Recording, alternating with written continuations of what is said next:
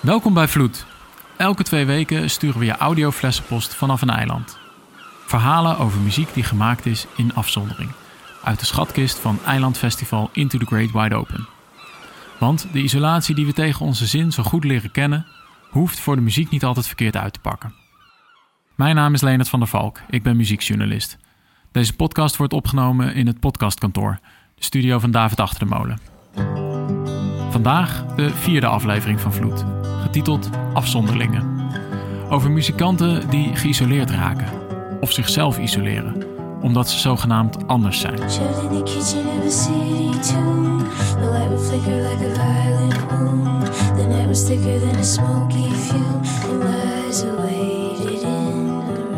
Toen Adrienne Lenker nog niet de zangeres van indie folk sensatie Big Thief was, maar een meisje van een jaar of acht, kwam ze het liefst te laat op school.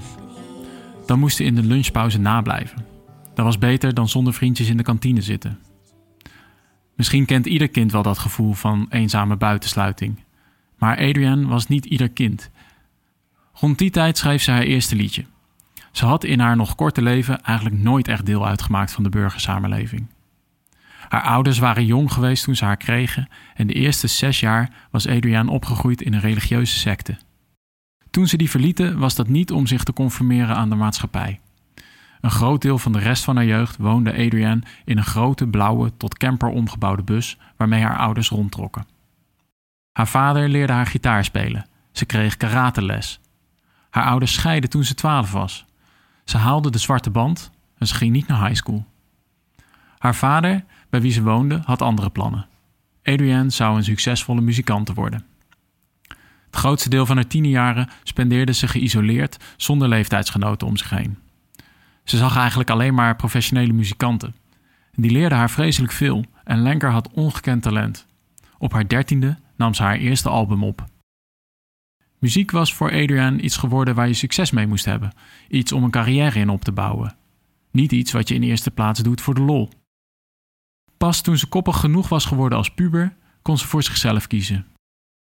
Hoewel ze niet genoeg geld had voor de opleiding, wist ze door haar fantastische stem en gitaarspel toch op de vermaarde Berklee College of Music in Boston te komen. En eindelijk begon ze echt plezier te beleven aan de muziek. In 2018 pakte ze met haar band Vlieland in. De muziek van Big Thief kan onbezorgd lief en mooi klinken. Maar stiekem worden haar liedjes bevolkt door outcasts en misfits.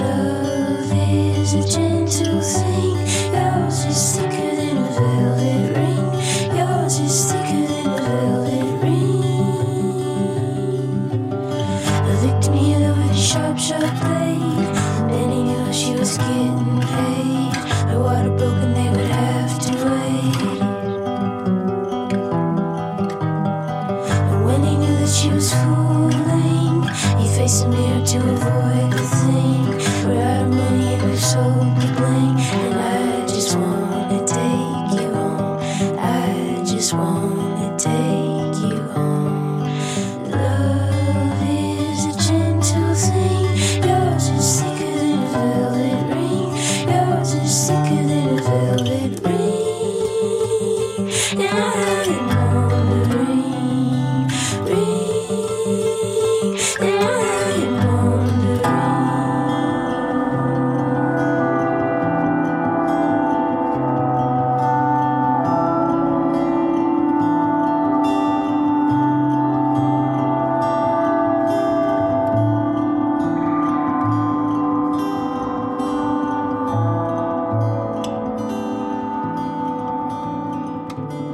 Zo gaat het vaak. Eerst is er isolatie en daarna het liedje.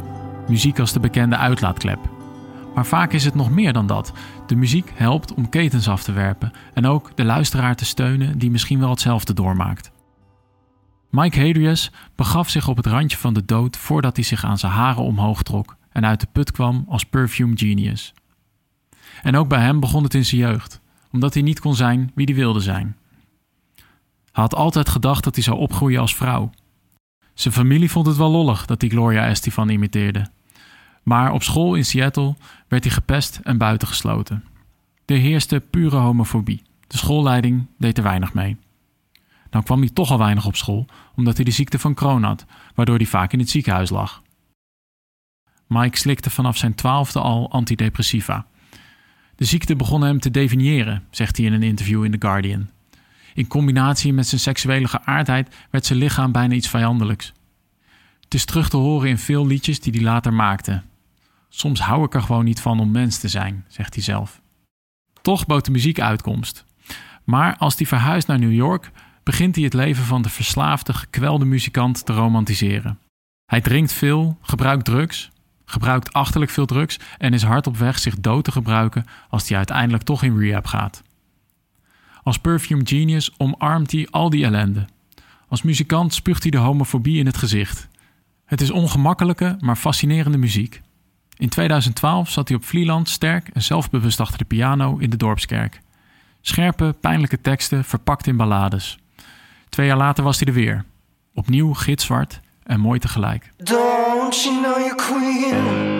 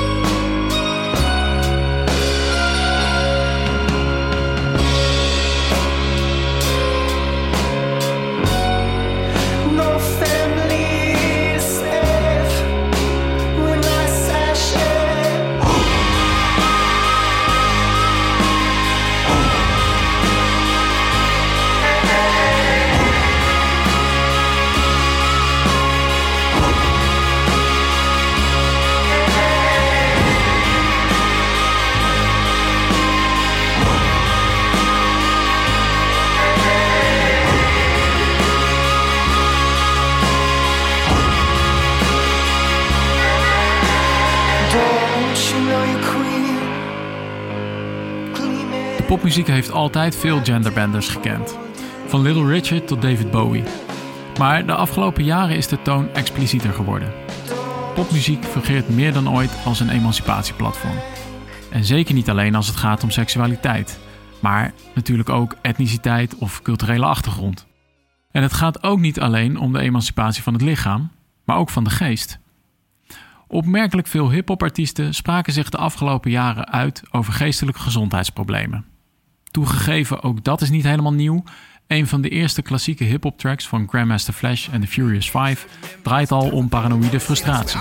Don't push me, cause I'm close to the edge. Call, I'm close to the edge. Maar dat is toch wat anders dan Kanye West, die zijn album Ye vrijwel geheel aan zijn mentale gezondheid wijde. Met de woorden I hate being bipolar, it's awesome op de hoes. En ook Tyler the Creator sprak over zijn mental breakdown. JC over therapie, P. Diddy over depressie. Ook Nederlandse rappers, zoals bijvoorbeeld Fresco, maken angsten en wanen bespreekbaar en stellen zich kwetsbaar op. Stien den Hollander, ofwel S10, spant misschien wel de kroon. Haar eerste EP, Antipsychotica, nam ze op toen ze 16 was. Het is ongelooflijk persoonlijk. Gaat over zelfmoord, stemmen in haar hoofd en de psychiatrische inrichting. Ze nam het op via een iPhone-microfoontje. Een half jaar in de psychiatrische kliniek was natuurlijk al een isolatie van de maatschappij, maar alsof het niet genoeg was, kwam ze ook nog in de isoleercel terecht. En in die inrichting kocht ze een gitaar en begon muziek te maken en te luisteren. Alles wat interessant was, van Nick Drake tot Ronnie Flex. Haar therapeutische debuut-EP kwam uit in 2017. Sindsdien bracht S10 ook nog Lithium uit en vorig jaar Snow Sniper. Daarop zijn de teksten nog altijd zwaar, maar wel iets abstracter. Dat is bewust. Het gaat wat beter met S10 en veel nummers van die eerste twee EP's speelt ze niet meer. De impact is te groot, ook op haar publiek. In interviews geeft ze aan dat ze veel reacties ontvangt van luisteraars die veel aan haar muziek hebben, die zich erin herkennen zich begrepen voelen. Zware verhalen die ook voor haar moeilijk zijn om te verwerken. Ze doet er niets mee, zegt ze, omdat ze het niet kan. Ze is geen therapeut. Toch is de muziek ook wel degelijk therapeutisch. Want door de zwaarste dingen van het leven te bezingen, zorgt er in elk geval voor dat het isolement van de luisteraar wordt doorbroken. Of die luisteraar nou wel of juist niet met hetzelfde kampt als zij. Ze opent de luiken naar andere werelden. S10 stond in 2019 op Into the Great Wide Open. Ik weet niet waar ik naartoe moet. Ik moet hier nu meteen. Ik weet niet of ik het goed doe. Ik weet niet waar ik. Ik weet niet waar ik naartoe moet. Ik moet hier nu meteen naartoe. Ik weet niet of ik het goed doe. Ik weet niet waar ik nou.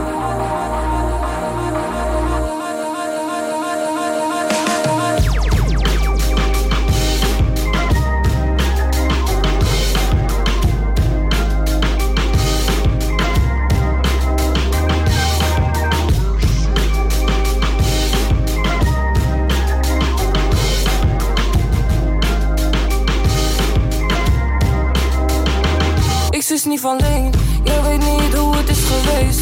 Is oké, ik neem wel de been, kan er toch niet meer omheen. Doe maar niet net als iedereen. Ik zweer het, we zijn allemaal alleen. Maar het is oké, ik heb geen spijt. Wat het heeft gedaan, weten wij allebei. Het spel wat je speelt kan nu niet meer met mij. Gebroken door de dingen die je zei. Gebroken door de dingen die je zei.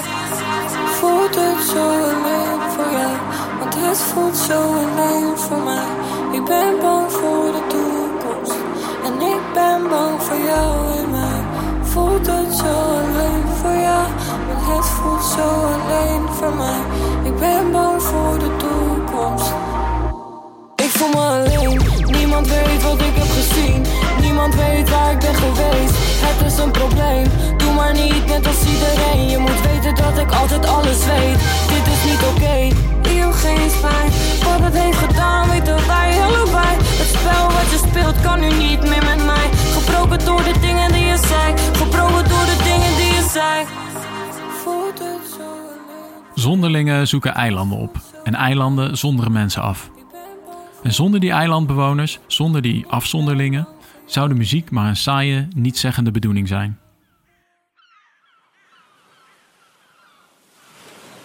De afgelopen weken besprak ik in Vloed wat het isolement met muziek doet, door de verhalen te zoeken in het archief van Eilandfestival Into the Great Wide Open. Nu wordt het app.